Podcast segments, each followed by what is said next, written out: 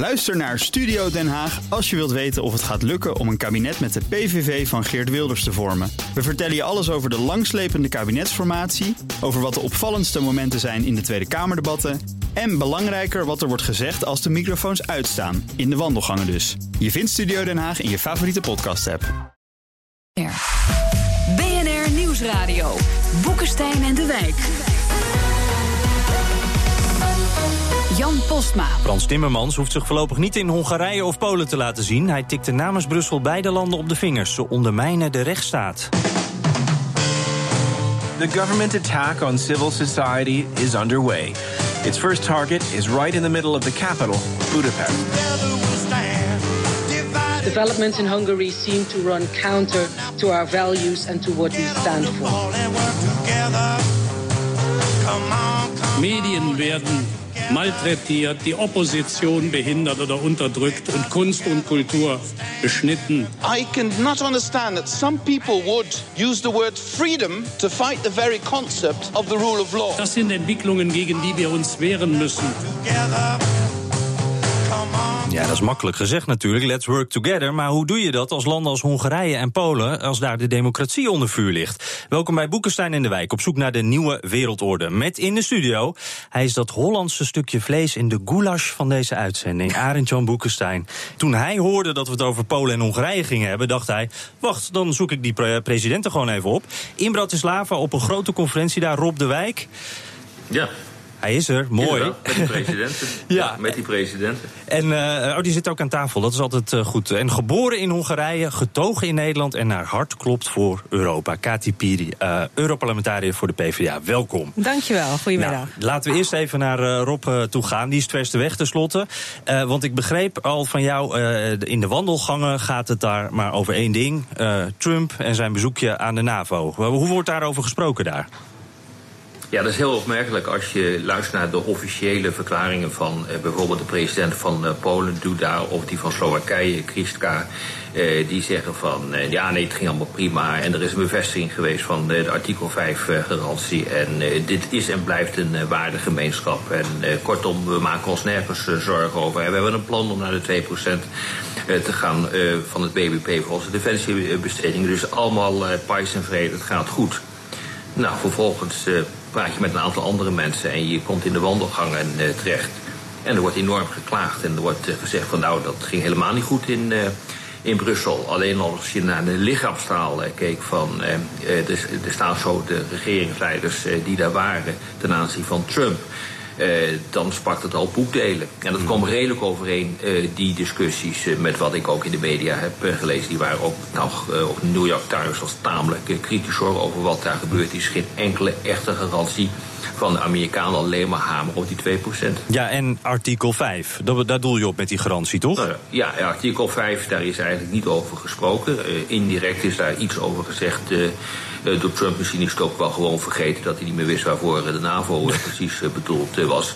Uh, dat zal me nog niet eens verbazen, zoiets hoor. Want uh, de minister van uh, Buitenlandse Zaken, Tillerson, heeft dat toch weer een klein beetje moeten rechtzetten. Nee, nee, die artikel 5 is nog steeds wel van ons van groot belang. Uh, maar ja, als je dus uh, hier in de wandelgangen uh, praat met de mensen die erbij waren, nou, die werden niet vrolijk. Nee, uh, Kati Piri, als u dit dan zo hoort, maakt u zich dan ook een beetje zorgen? Of, of zijn dit misschien ook wel onderhandelingstactieken van Trump, een beetje de druk erop houden? Kijk, dat hij die druk had op die uh, defensiebudgetten, dat wisten we. Dat, was denk ik ook niet anders geweest met de Amerikaanse president. Maar ik denk als je nu kijkt naar zijn reis, zijn eerste buitenlandse reis, ging naar Saudi-Arabië. Nou, toch een land waar we ernstige kanttekeningen kunnen zetten bij bijvoorbeeld mensenrechten of uh, de oorlog in Jemen. Nou, niks van dien. Dus uh, zoals ik zei, hij ging hula hoop dansen in Saudi-Arabië en komt vervolgens naar Brussel om zijn echte partners eens de les te lezen. En zonder daarbij ook die garantie. Artikel 5 is maar één keer ingezet in de mm -hmm. geschiedenis van de NAVO. 11 september. 11 september. Um, ze wilden hem er nog aan herinneren. Want gisteren is in NAVO-hoofdkwartier een, um, een herdenkingsmonument geopend voor uh, 9-11. Toch kon hij het niet inkoppen door te zeggen... natuurlijk, die garantie die blijft staan. Als in Europa een aanval komt van buiten... dan zal de Amerikanen er, daar zijn om jullie te verdedigen. Hm. En dat was natuurlijk essentieel voor bijvoorbeeld de Polen. Die daar natuurlijk heel veel angst over hebben. Uh, hoe dat toch zit met die agressie vanuit Rusland. Uh, dus ik vond eigenlijk ook een schoffering van de Europese leiders... wat hij gisteren uh, in Brussel gedaan heeft. Ja, Arend Jan, is, is, blijft deze onrust dan ook nog even zo bestaan, de artikel 5? Dat denk ik wel. Ik denk dat Trump het dus ook een beetje beschouwt als, een, als, als onderhandelingsdruk... Hè, op, de, op die anderen die echt richting die 2% gaan. Maar ondertussen is het natuurlijk wel zo dat artikel 5 is de essentie van die Atlantische Alliantie. Mm -hmm. Als daar twijfel over bestaat, dan zaait dat onrust. En is, is ook de afschrikkende werking is natuurlijk minder. Dat is het probleem. Goed, laten we dan even naar uh, Polen en Hongarije uh, kijken. Die pikken we er even uit. Dat zijn die twee EU-landen uh, in Oost-Europa waar de democratie onder vuur ligt. Tenminste volgens Frans Timmermans. Polen, Arendtjan, wat is daar op dit moment aan de hand? Nou, Polen heb je dus ook een, problemen met een soort constitutionele raad. Hè, waarbij dus de Polen eigenlijk, de president wil daar vriendjes benoemen. Iets wat in Hongarije ook... soort hoge rechters. Dus met andere de rule of law, hè, de rechtsstaat, wordt ondermijnd doordat je vriendjespolitiek gaat bedrijven. Mm -hmm. Tweede is ook dat de persvrijheid niet helemaal optimaal is. Het is in Hongarije nog veel erger. En het is natuurlijk zo, Polen is een heel erg uh, katholiek land en denkt heel anders uh, over, uh, over vluchtelingen en over de islam. Dat komt ook door de geschiedenis van dat land. Mm -hmm. En nu wordt juist Hongarije echt op de vingers getikt door Brussel. betekent dat dat het daar dan ook erger is dan in Polen? Het grote verschil tussen Hongarije en Polen is dat in Polen heb je nog een grote oppositie die ook van zich laat horen. In Hongarije heeft Orbán een grote meerderheid. Met daarnaast ook nog een keer een partij, Jobbik, ter rechterzijde. Dus hij heeft dus ontzettend veel mensen achter zich. En de oppositie is nogal zieltogend in Hongarije. Mm -hmm. Je zou kunnen zeggen dat in Polen zijn er nog kansen dat het misschien beter wordt. In Hongarije moeten we geduld hebben, vrees ik. Ja, en in Hongarije hebben we ook die, die Centraal-Europese Universiteit van George Soros. Uh, ja. Dat speelde daar ook een belangrijke uh, rol in. Um, ja, hoe, hoe, moeten we dat zien? Want ik kan me voorstellen, als er in Nederland een miljardair zou zijn die hier een universiteit wil starten met misschien wel pro-Russische uh, gedachtegoed, dat we in Nederland ook niet zo blij uh, zouden zijn. Is dit niet eigenlijk een hele logische reactie, Katipiri? Nou ja, goed, de geschiedenis van George Soros, die oorspronkelijk Hongaars is, daar zijn hele heftige politieke discussies over in Hongarije. Maar wat vaststaat, is dat dit kwalitatief de allerbeste universiteit is in heel Centraal-Europa, niet alleen in Hongarije. Er zijn heel veel landen in Centraal-Europa die heel graag deze universiteit in hun hoofdstad zouden willen hebben. En um, wat, wat, wat Orbán nu één jaar voor de verkiezingen, 2018 zijn er weer nationale verkiezingen in Hongarije probeert te doen, is toch weer dat sentiment van de buitenwereld is tegen ons. Daar is Brussel natuurlijk een uh, exponent, maar nou zeker de miljardair George Soros vanuit Amerika. Dat probeert hij te voeden. NGO's, wat komen jullie hier doen? Waarom worden jullie gefinancierd door allerlei clubs uit het buitenland? Hetzelfde mm -hmm. soort praktijken die we eerder in Rusland zagen. In Israël natuurlijk een hele strenge NGO-wetgeving. Nu ook dus in de Europese Unie. En helaas in Hongarije is dit niet een nieuw fenomeen. Dat is er al sinds 2010, sinds deze man aan de macht Hij gebruikt het om binnenlandspolitieke redenen. Hij kan daar zijn kiezers mee uh, verwennen. Wat ik zo interessant vond, er is een Europese bijeenkomst geweest. En daar heeft dus de Europese Volkspartij heeft, uh, Orbán heel hard aangepakt. Ik was er zelf nog een beetje sceptisch over. Ik dacht, Orbán die gaat gewoon door. Mm -hmm. Maar nee, hij krabbelde echt terug. Hij zei, nou, ik zal, ik, ik zal anders over de universiteit gaan praten. En ik zal me, meer, me gaan gedragen. Het was heel duidelijk dat hij dus bang is dat er toch geldstromen onderbroken gaan worden als hij hiermee doorgaat. Uh, Rob, heeft uh, de, de Europa daar dan ook iets mee bereikt dus? Tot nu toe niet. Tot nu toe uh, zie je dat alle aantijgingen en protesten van de kant van Timmermans aan het adres van Polen en de procedure die tegen Polen is gestart eigenlijk totaal niks heeft heeft opgeleverd. En uh, zo net uh, was ik, uh, hoorde ik de minister van Defensie van Polen, meneer Wasikowski. En die zegt, ja weet je, die commissie, wat heb ik er eigenlijk mee te maken? Het is gewoon de hoede van het verdrag mm -hmm. van de Europese Unie. Ze hebben geen enkele legitimiteit, want ze zijn niet gekozen. Ze moeten zich gewoon niet bemoeien met onze zaken, want daar gaan ze niet over.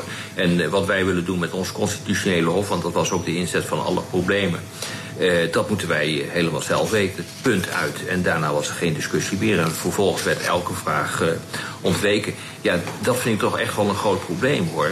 Uh, want wat je dus nu op dit ogenblik ziet, is dat deze mensen zelf op dit ogenblik de argumenten het aandragen zijn voor een meer celheden Europa. Waarbij dit soort toch minder democratische landen gewoon in een andere schil rond de Europese Unie komen te zitten. Rond het hart van de Europese Unie te komen zitten. Die dan voor, volgens mij dan nog eh, moet bestaan uit echt democratische landen die het, een oprechte wens hebben om heel nauw samen te werken en te integreren. Ja, Kati Piri, gaan we die kant inderdaad op?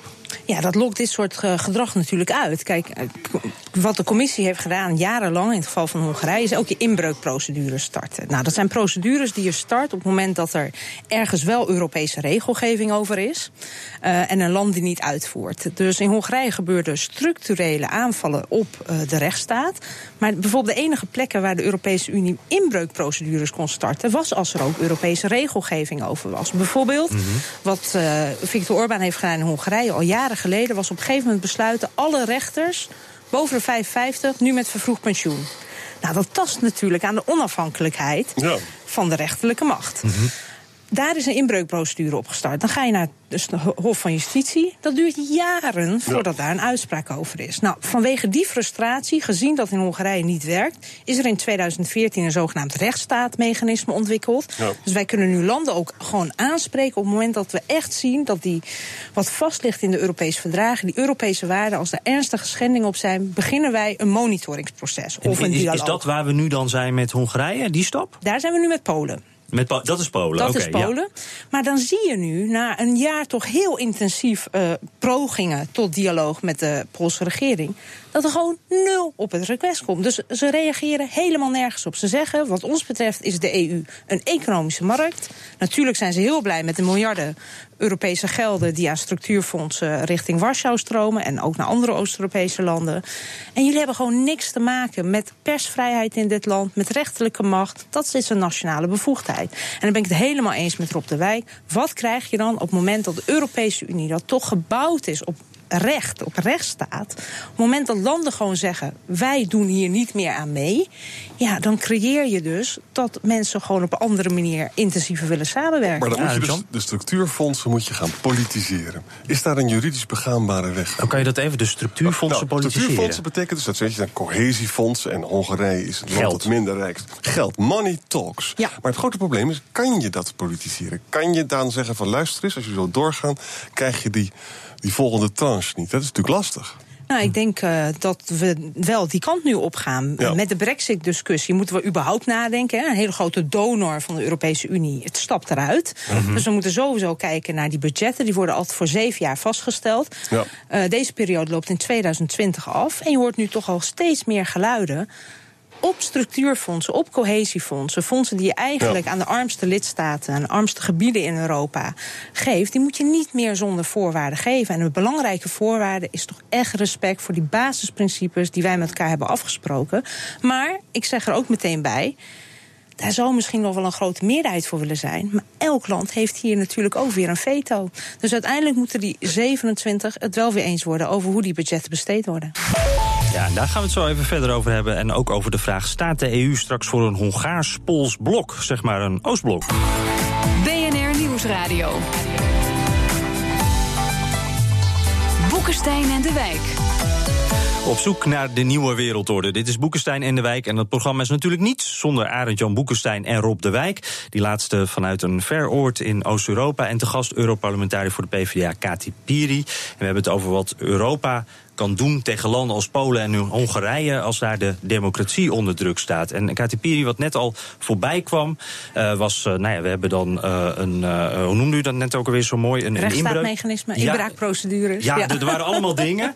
Maar, maar wat ik ook hoorde, er zijn dan niet hele grote tussenstapjes voor nog voor. Je komt dan toch uiteindelijk, als je echt een beetje pijn wil doen, bij dat artikel 7 uit, toch? Ja. Dat klopt. En uh, het enige probleem, het grootste probleem van artikel 7, waarom het tot nu toe ook nog nooit is ingezet, is omdat het wel unanimiteit vergt van alle andere landen die uh, he, niet onder mm -hmm. onderzoek zouden staan. En, en, even artikel 7, dan zou bijvoorbeeld Polen of Hongarije niet meer mee mogen stemmen, toch? Dat... Precies, stemmen. Maar natuurlijk, dan heb je het ook over fondsen. Dus je kunt dan verschillende soorten sancties opleggen. Dat, uh, die mogelijkheid bestaat er.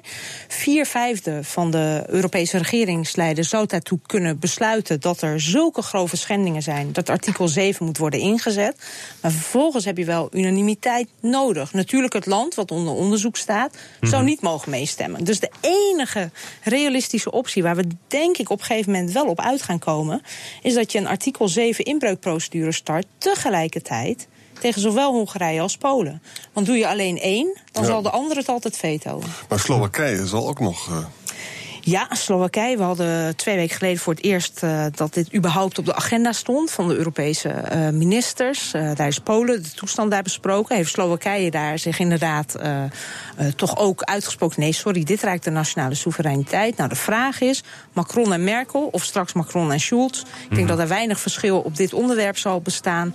Pikken die het dat in de Europese Unie dit wordt toegestaan? Dat is denk ik essentieel. Of ga je uiteindelijk toch nu, na al die jaren in Hongarije en sinds 2015 wat we zien in Polen. Ja, als je dit blijft accepteren, ja, op deze manier kan de Europese Unie niet doorgaan. Ten meer ook omdat Macron daar al iets over gezegd heeft tijdens de verkiezingstijd, herinner ik me nu. Hij vond dat Oost-Europa die aan die waarden moest voldoen. Dus die, dus die Frans-Duitse as is hij wel sterker aan het worden. Ik, ik wil even ook naar, naar de, de, ik noem het maar even, de Oost-Europese as. Eh, Rob, want jij bent daar in Bratislava. Je hebt ook Ja. naar de Poolse president geluisterd. En die zei daar volgens mij ook wat over, toch? Ja, zeker. Want wat ik dus echt heel erg interessant vind, is dat die leiders in Oost-Europa elkaar wel heel erg goed vasthouden hoor. Eh, de Poolse president is, op dit ogenblik eh, de voorzitter van de zogenaamde Visegrad-groep. Dat zijn een aantal Midden-Europese landen: Hongarije, Slowakije, Tsjechië, Polen. Eh, maar hij was ook heel duidelijk aan het vertellen dat het daar niet bij blijft. Eh, er is een initiatief eh, genomen, dat heet de Boekarest 9. Dat zijn eigenlijk negen landen in eh, Centraal- en Oost-Europa... eh, die op veiligheidsgebied weer, wil, eh, weer eh, willen gaan samenwerken. Dan heb je het Drie Zeeën-initiatief. Eh, dat zijn eigenlijk de Midden- en Oost-Europe- eh, Oost-Europese landen... die worden ingeklemd tussen de Oostzee, eh, de Zwarte Zee en eh, de Middellandse Zee. En die willen veel meer gaan doen op het gebied van energie en infrastructuur, zeg maar economische samenwerking. En eh, die landen houden elkaar echt goed beet. Dus als je een procedure wil starten tegen die landen, moet je zo langzamerhand een procedure starten tegen al die andere landen. En zij zeggen van ja, we hebben toch echt onze eigen manier om onze doelstellingen te bereiken. Wij zijn zelf verantwoordelijk voor de wijze waarop wij onze politiek inrichten en onze interpretatie van de Europese waarden. En dat heeft denk ik grote consequenties. Want wat je hier nu ziet in eh, Bratislava is een totale scheiding eigenlijk eh, door Europa. Uh, Kati Piri, hoe moet Europa daar dan mee omgaan als je allemaal van die samenwerkingsverbandjes hebt? Nou ja, op zich is er denk ik niks mis met uh, regionale samenwerking. Hebben wij natuurlijk ook uh, vanaf het begin Zo met de Benelux-landen ja. gehad. Uh, alleen op het moment dat er een soort eurosceptische alliantie zich tegen Brussel richt, ja, natuurlijk heb je dan een ernstig probleem binnen de Europese Unie. Het is eigenlijk een beetje raar dat wij in het begin altijd hoopten dat die Visegrad, hè, zoals Rob net zei, die vier landen intensiever zou samenwerken. Mm -hmm. Dat is alleen maar goed. Uh, dat dat eigenlijk nu pas, nu pas tot stand komt. Kijk, wat we in het begin hebben nagelaten, toen we zagen dat ernstig misging in Hongarije, dachten, ach, dat is maar één van die 28 klein land, niet zo belangrijk. Komen op een gegeven moment wel verkiezingen aan en een andere regering aan de macht. Ja, vijf jaar later zat daar wel uh, de partij van Kaczynski... die Viktor Orbán uitnodigde als mm -hmm. eerste regeringsleider... na zijn uh, verkiezingsoverwinning... om toch even te overleggen over uh, en lessen te leren... wat hij in Hongarije heeft gedaan. Ja, dat soort samenwerking. Als je ziet hoe een aantal van die landen... Rob is nu in Bratislava, hoe premier Fico in Slowakije... hoe de Hongaarse premier, hoe die flirten met Poetin... Openlijk. Ja, dat is natuurlijk heel zorgwekkend voor die cohesie binnen de Europese Unie. En dan is de vraag: laat je het weer lopen? Zoals we eigenlijk vanaf 2010 hebben gedaan met Hongarije. Met het risico dat het dus echt een besmettingsgevaar is naar andere landen. Dat risico is er zeker. Gezien er ook nou ja, een zwakke traditie van, van democratie in heel veel van die landen. Ja, en daar denk ik dan ook, uh, Arend Jan, jij als historicus, uh, als je kijkt naar de geschiedenis, dat dan zullen die landen toch heel voorzichtig met Rusland omgaan. Zitten die daar wel op te wachten op Poetin? Nou, weet je, dat is heel dubbel. Kati weet er misschien meer van dan ik, maar ik lees er wat over. Doe een poging. Aan de ene kant is dus Orbán is, is flirt een beetje met Poetin. Vindt hij een stoere, autocratische man. Aan de andere kant is het natuurlijk ook zo dat Hongarije heeft geen zin in Russische expansie. Dus is op twee niveaus. Bij de Polen is dat nog veel sterker, hè, want die moeten helemaal niks hebben van uh, Russische expansie. Maar het is toch zo dat dat kan allemaal dus tegelijkertijd uh, gepaard gaan met flirten met Poetin. Met, met een autocratische man. Want dat wil, dat wil Orbán natuurlijk. Ik ben een stoere man mm -hmm. en ik, ik neem beslissingen. Wat Trump ook doet. Ja, ja.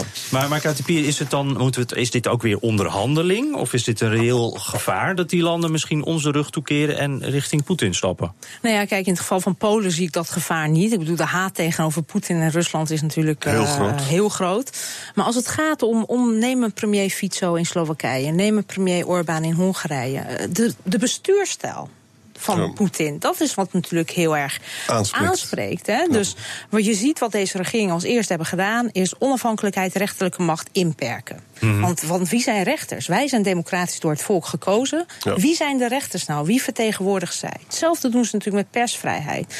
Allemaal lessen die je natuurlijk ook leert van... nou ja, neem een Poetin, neem ook een Erdogan... Uh, waar uh, Viktor Orbán toch ook uh, heel graag over de vloer komt. Het is het type van wij wij zijn de democratisch verkozen mensen. Ja. Die liberale democratie waar ze het in het Westen over hebben... met die onafhankelijke instituties, moeten hm. wij niks van hebben. Wij zijn, ja. wij zijn gekozen door ons volk en wij bepalen dus ook wat er gebeurt. Uh, Rob, jij, jij, bent ons meest oostelijke vooruitgeschoven post. Uh, kan, kan je inschatten, hoe, hoe kijkt bijvoorbeeld een Poetin hiernaar? Lacht hij een beetje in zijn vuistje? Ja en nee. Kijk, er zijn splintergroepen die zijn echt pro-Poetin en heel erg pro-Russisch. Uh, als je bijvoorbeeld uh, kijkt hier in Slowakije, dan heb je een, een club extreem rechts, sommigen zeggen zelfs fascistisch, of Slowakije. Wel 8% van de stemmen in, bij de laatste parlementsverkiezingen. Nou, die dwepen wel met. Die dwepen wel met, met Rusland. Dat zie je ook in Hongarije, maar het zijn eigenlijk wat kleinere partijen die dat doen. Nee, maar voor de rest is het zo. Uh, dat men, en dat heeft uh, Orbán heeft dat ook zeer nadrukkelijk gezegd. In 2014 heeft hij nog een keer gezegd van een natie kan alleen maar competitief zijn als het zich uh, onttrekt aan de liberale westerse wereldorde en eigenlijk een illiberal democracy wordt. Oftewel een, een, een staat die geregeerd wordt door een autocraat, om het maar heel simpel te zeggen. Daarmee ben je nog niet Russisch. En dan ben je nog niet pro-Poetin, maar je bent wel pro het systeem wat Poetin heeft, omdat je vindt dat dat werkt. Ja. En uh, dat is voor sommige politici is dat natuurlijk een buitengewoon aantrekkelijk uh, vooruitzicht om het zo te doen. Ja, en Jan? Het is ook bovendien in de wereld is illiberal democracy aan, een beetje aan het toenemen. Hè. Dus Erdogan doet het, Poetin doet het, maar de Oost-Europeanen gaan ook die kant op. Wij zijn eigenlijk een beetje ouderwets aan het worden. Een minderheid. En ik denk dat, ik denk dat Rutte ook soms wel in zijn bed ligt en denkt van... het is toch wel een idee zeg, alleen vrije verkiezingen. Maar de rechtsstaat, dat doen we gewoon even, dat doen we Ach, even man, niet. En dat formeren gaat zo makkelijker ja. dan. Ja. Maar, maar Rob, wat ik nu ingewikkeld vind... je ziet aan de ene kant een strategisch belang voor Europa natuurlijk... Uh, om deze landen erbij te houden. Maar aan de andere kant heb je dus ook... ja, we willen ze ook graag democratisch hebben, die landen. Wat, wat moet nu zwaarder wegen dan? Ik denk dat je dat laatste gewoon wel kunt vergeten op dit ogenblik. Je hebt gewoon weinig invloed op uh, die landen. Je kunt er bovenop gaan zitten met allerlei procedures vanuit de Europese Unie. Uh, je kunt ze dreigen misschien met het stopzetten van geld. Dat is nog een mogelijkheid, maar dat wordt ook heel erg uh, lastig. Nee, ik denk dat we zo langzamerhand moeten gaan accepteren... dat die hele democratiseringsgedachte ja, dat dat misschien wel eens een keer heel erg moeilijk uh, te verwezenlijken is. Ja, en dan komen we weer terug bij het eerdere debat. En dat is het debat over een meersnelheden Europa. Ik denk dat dat dan onvermijdelijk gaat worden. Ja, ik zie Kati Piri nu ook wel wat zorgelijk kijken. Denkt u ook van... Uh, ah, ze lacht weer, gelukkig. Uh, nee, maar denkt u ook dat... moeten we dat een beetje opgeven? Nou, opgeven zeker niet. Ik, ik hoop ook niet dat Rob de Wijk dat op die manier bedoelt. kijk, nee, op moment... dat bedoel ik ook zo niet. ah, ik probeer hem wat dikker aan te zetten, Rob. Hè? Help me nou even. maar, maar de vraag is natuurlijk realistisch, wat kan je doen? A, is leren toch van de geschiedenis. We hebben fouten gemaakt bij die uitbreiding. Uh, op het moment dat landen lid worden van de EU, in, in de jaren daarvoor... is een enorme monitoringsproces en die houdt op op de dag dat je toetreedt. Dat hadden we natuurlijk gewoon moeten regelen. Mm -hmm. Het is heel normaal dat je ook nadat je lid bent van de Europese Unie... aan bepaalde normen en waarden moet voldoen. Uh, dat hebben we nagelaten. En we, we zien nu ook dat stel een land bereikt op een gegeven moment een democratisch punt, kan het ook weer achteruit gaan. Dat zien we natuurlijk in heel veel landen nu. Het is Mhm. niet van nature dat als je een bepaald punt bereikt, dat je vandaar alleen maar vooruit kan gaan. Dus intensiveer ook je steun aan die nationale, want ik denk niet dat je het uit Brussel kunt opleggen, aan die nationale onafhankelijke instellingen, ombudsmannen, onafhankelijke toezichtsorganen. Dat hebben we jarenlang nagelaten. Maar hoe kan je dat dan doen als je het niet vanuit Brussel mag opleggen? Nou ja, wat nu natuurlijk het rare is, we hebben het eh, bijvoorbeeld over Rusland, we hebben het over Turkije. Er gaan terecht, vind ik, heel veel steun nu naar onafhankelijke organisaties daar, om bijvoorbeeld mediapers, eh, persvrijheid eh, te ondersteunen, journalisten die onder druk staan. We doen dan niet binnen de EU. Want dat is het zogenaamde non-interventiebeginsel. Je bemoeit je niet met elkaars interne aangelegenheid. Mhm. Nou, laten we daar nu eens een keer van afstappen. En ik denk dat, dat de Rob de Wijk wel gelijk heeft. Op dit moment wil de EU in die brexit-onderhandelingen... dat die 27 landen echt op één lijn blijven. Maar ik denk zodra dat achter de rug is... dat deze discussie echt op allerhoogste eh, politieke agenda staat. Nou, laten we nog even heel kort samenvatten, want we hebben nog maar een minuutje over. Even kijken, want dit was de eerste keer dat Brussel zo een lidstaat op de vingers eh, he- heeft getikt. Uh, is er nou een taboe doorbroken? Gaat dit vaker gebeuren?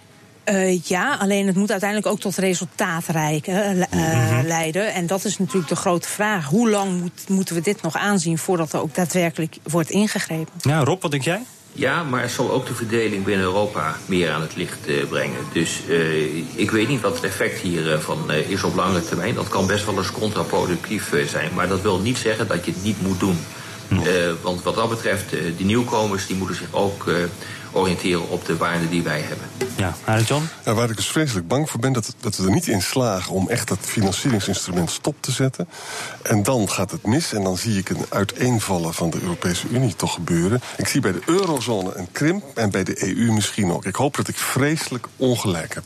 en we begonnen allemaal zo positief. Ja. Nou goed, dit was Boekenstein en de Wijk. Dank Katy Piri, succes eh, met dit dossier natuurlijk. En ook het Turkije-dossier, waar we natuurlijk u ook uh, nog meer van kennen. En uh, u ook dank voor het luisteren voor En luister ook vooral de podcast. Hè. Dat kan via iTunes en ook via Spotify. Heb je elke week de laatste aflevering. Laat even een recensie achter, dat vinden we leuk. Die lezen we ook allemaal. En via podcast of op de radio, volgende week zijn wij er gewoon weer. Dank voor het luisteren.